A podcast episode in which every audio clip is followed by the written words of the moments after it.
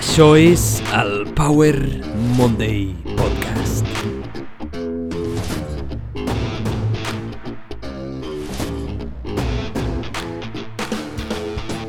Benvinguts al Power Monday Podcast, sóc en Pau, el teu apassionat de fitness, inspiració i ciència. Espero que hagis passat una setmana increïble.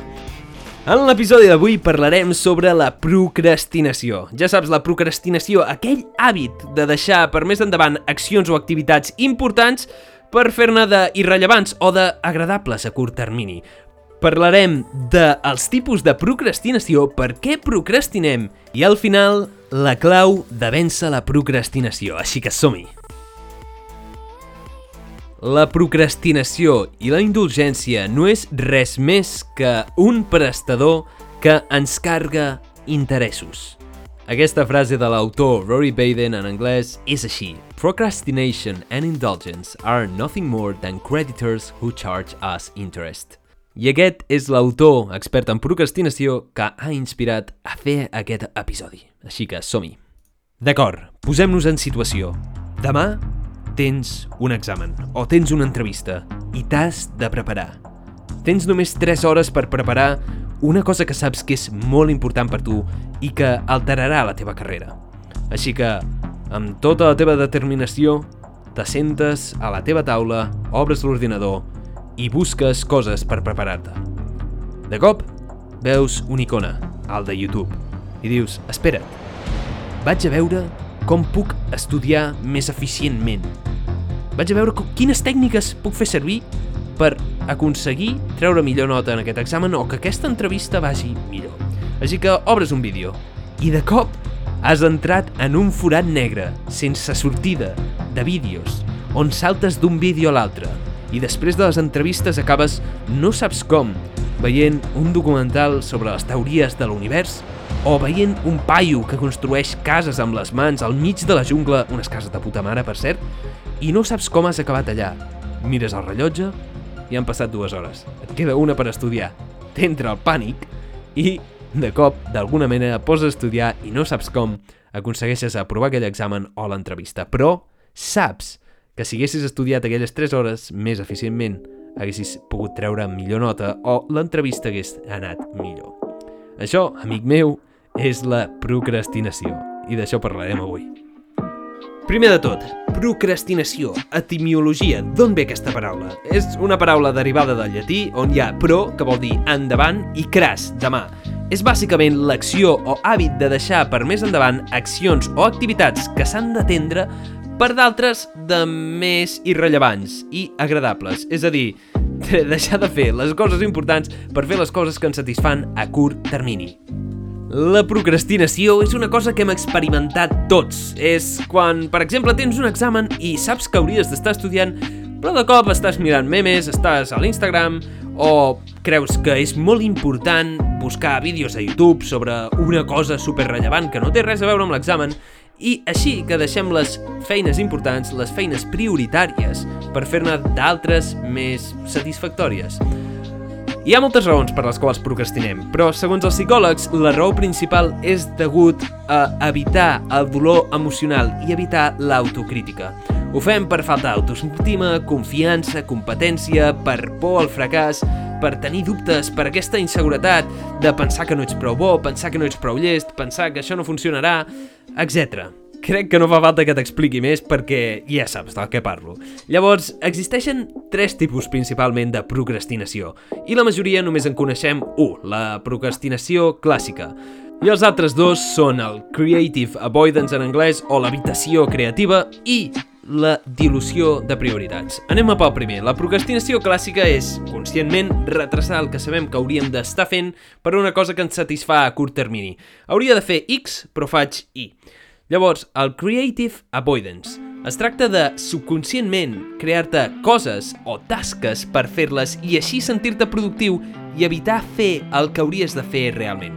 Un exemple d'habitació creativa seria començar a fer una llista de tasques molt fàcils per poder-les tatxar, com endreçar els papers, eh, guardar el boli eh, en el seu lloc, tasques molt fàcils que et donen la satisfacció i et donen la sensació de que has fet alguna cosa, però en realitat no has fet res. O un altre exemple seria mirar el correu electrònic. Mirar el correu electrònic i respondre alguns correus et fa sentir productiu, però en realitat no s'acosta a les teves prioritats principals.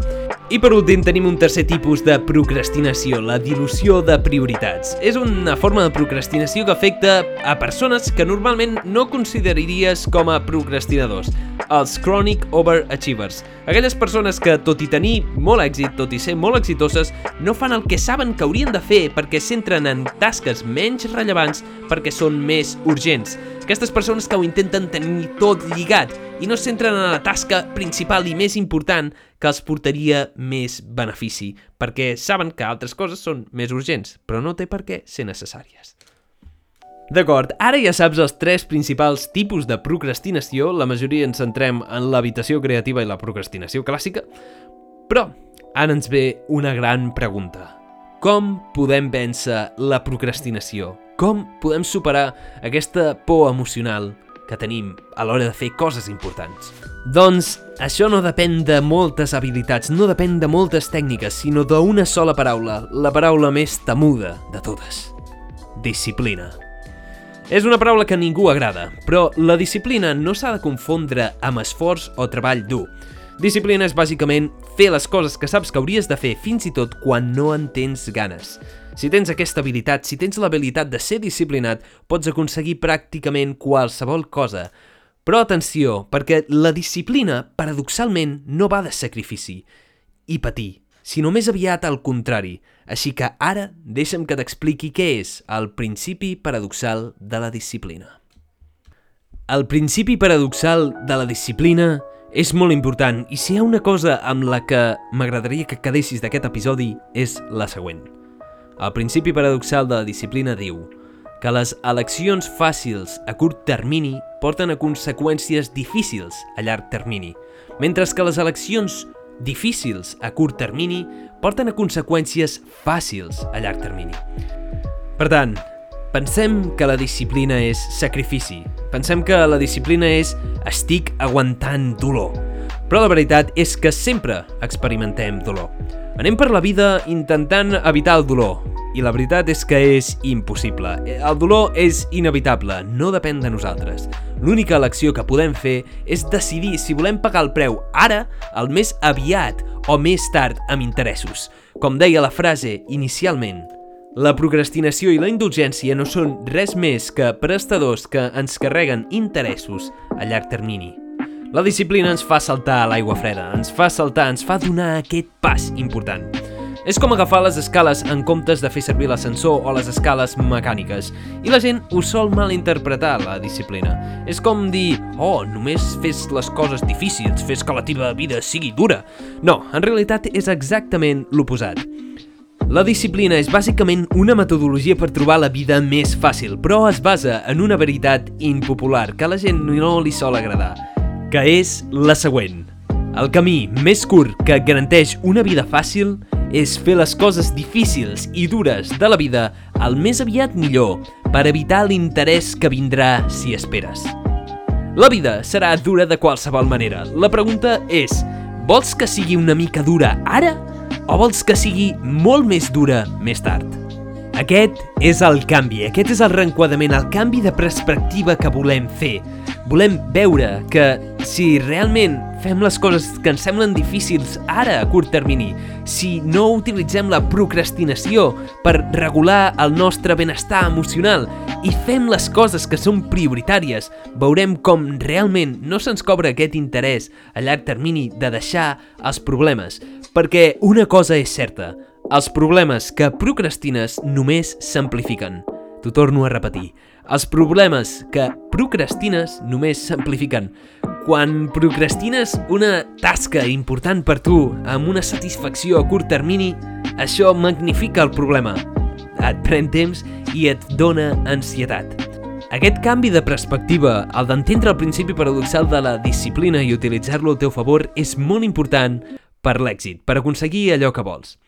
Que sàpigues que els estudis veuen com la gent exitosa els agrada la disciplina de la mateixa manera que tu i a mi, no els agrada però ho enfoquen completament diferent. Fan aquest clic, aquest canvi.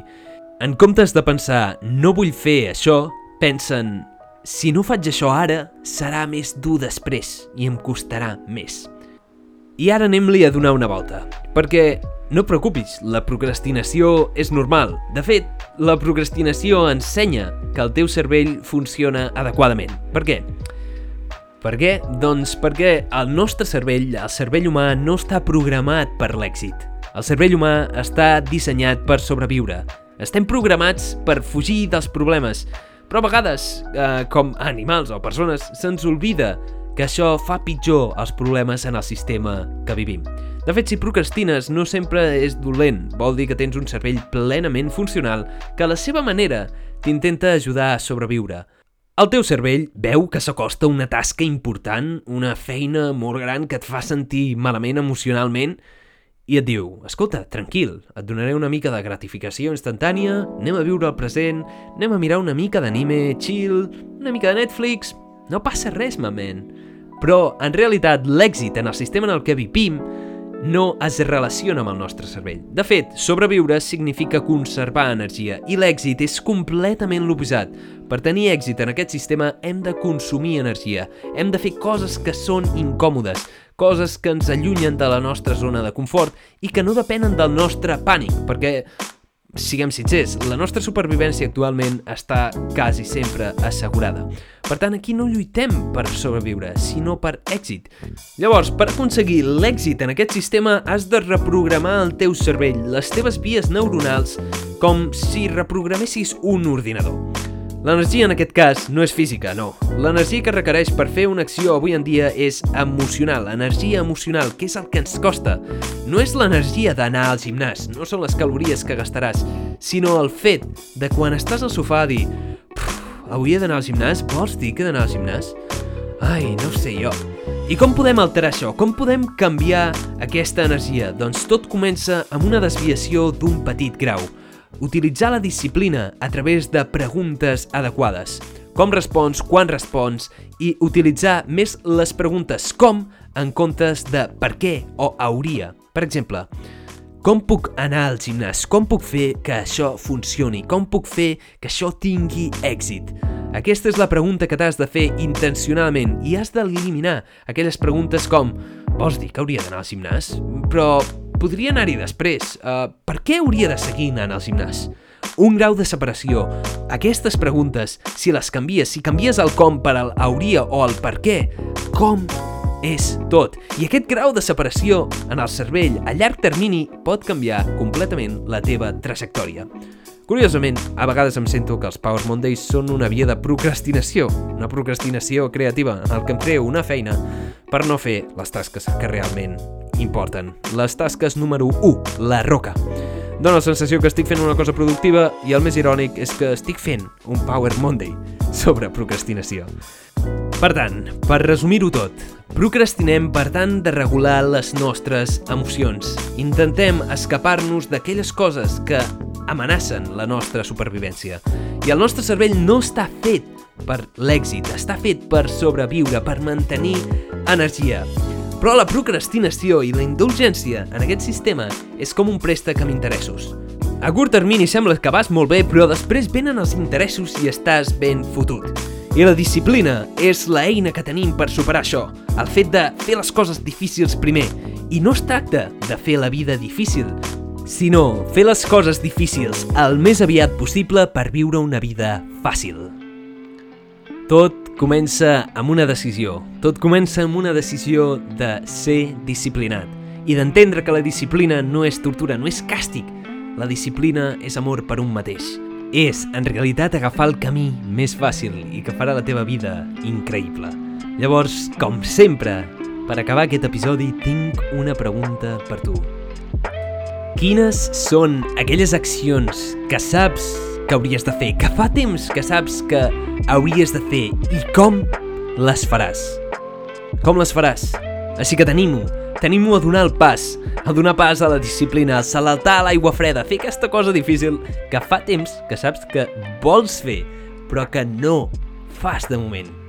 Perquè, com t'he dit, el secret, fer aquesta elecció, fer aquest pas, fer aquest canvi, de veure que les accions difícils a curt termini són les que et portaran grans resultats a llarg termini. I per difícils vull dir dures, aquestes que costen, d'acord? No perquè siguin molt complexes. L'autor que ha inspirat aquest podcast és Rory Baden i és un expert en procrastinació al qual et recomano molt els seus llibres i TED Talks. Te'l deixo a la descripció. Moltíssimes gràcies per haver escoltat aquest episodi. Espero que t'hagi portat una mica de valor o hagi après alguna cosa. Recorda, si t'ha agradat, si us plau, comparteix-lo amb els teus amics, envia-ho a alguna persona que creguis que això li pot impactar positivament. Tot aquest contingut que poso gratuïtament. La veritat és que aquest episodi m'ha apassionat molt, m'ha agradat moltíssim i l'he fet amb el cor. Espero que t'hagi portat alguns nuggets of wisdom, que es diu en anglès, i que t'hagi servit. Recorda, la disciplina és amor a un mateix. El principi paradoxal de la disciplina ens diu que les eleccions fàcils i còmodes no ens portaran a l'èxit. En realitat ho faran les decisions difícils que ens portaran a viure més fàcilment.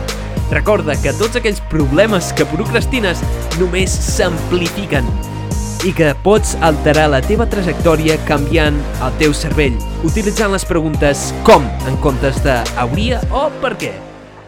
Moltíssimes gràcies, com sempre, per estar a l'altra banda del micròfon. Espero que estiguis fenomenal, espero que estiguis d'allò més bé. Et desitjo una setmana increïble i molta, molta disciplina. És a dir, molt amor per tu mateix. Què faries si fossis 100% disciplinat? Com sempre, ens veiem el pròxim episodi. Ciao! Ei, ei, si segueixes aquí, encara, què estàs fent? Estàs procrastinant, escoltant podcast sobre procrastinació? Vinga, vés a fer aquelles coses que saps que has de fer. Confia en tu. Ens veiem.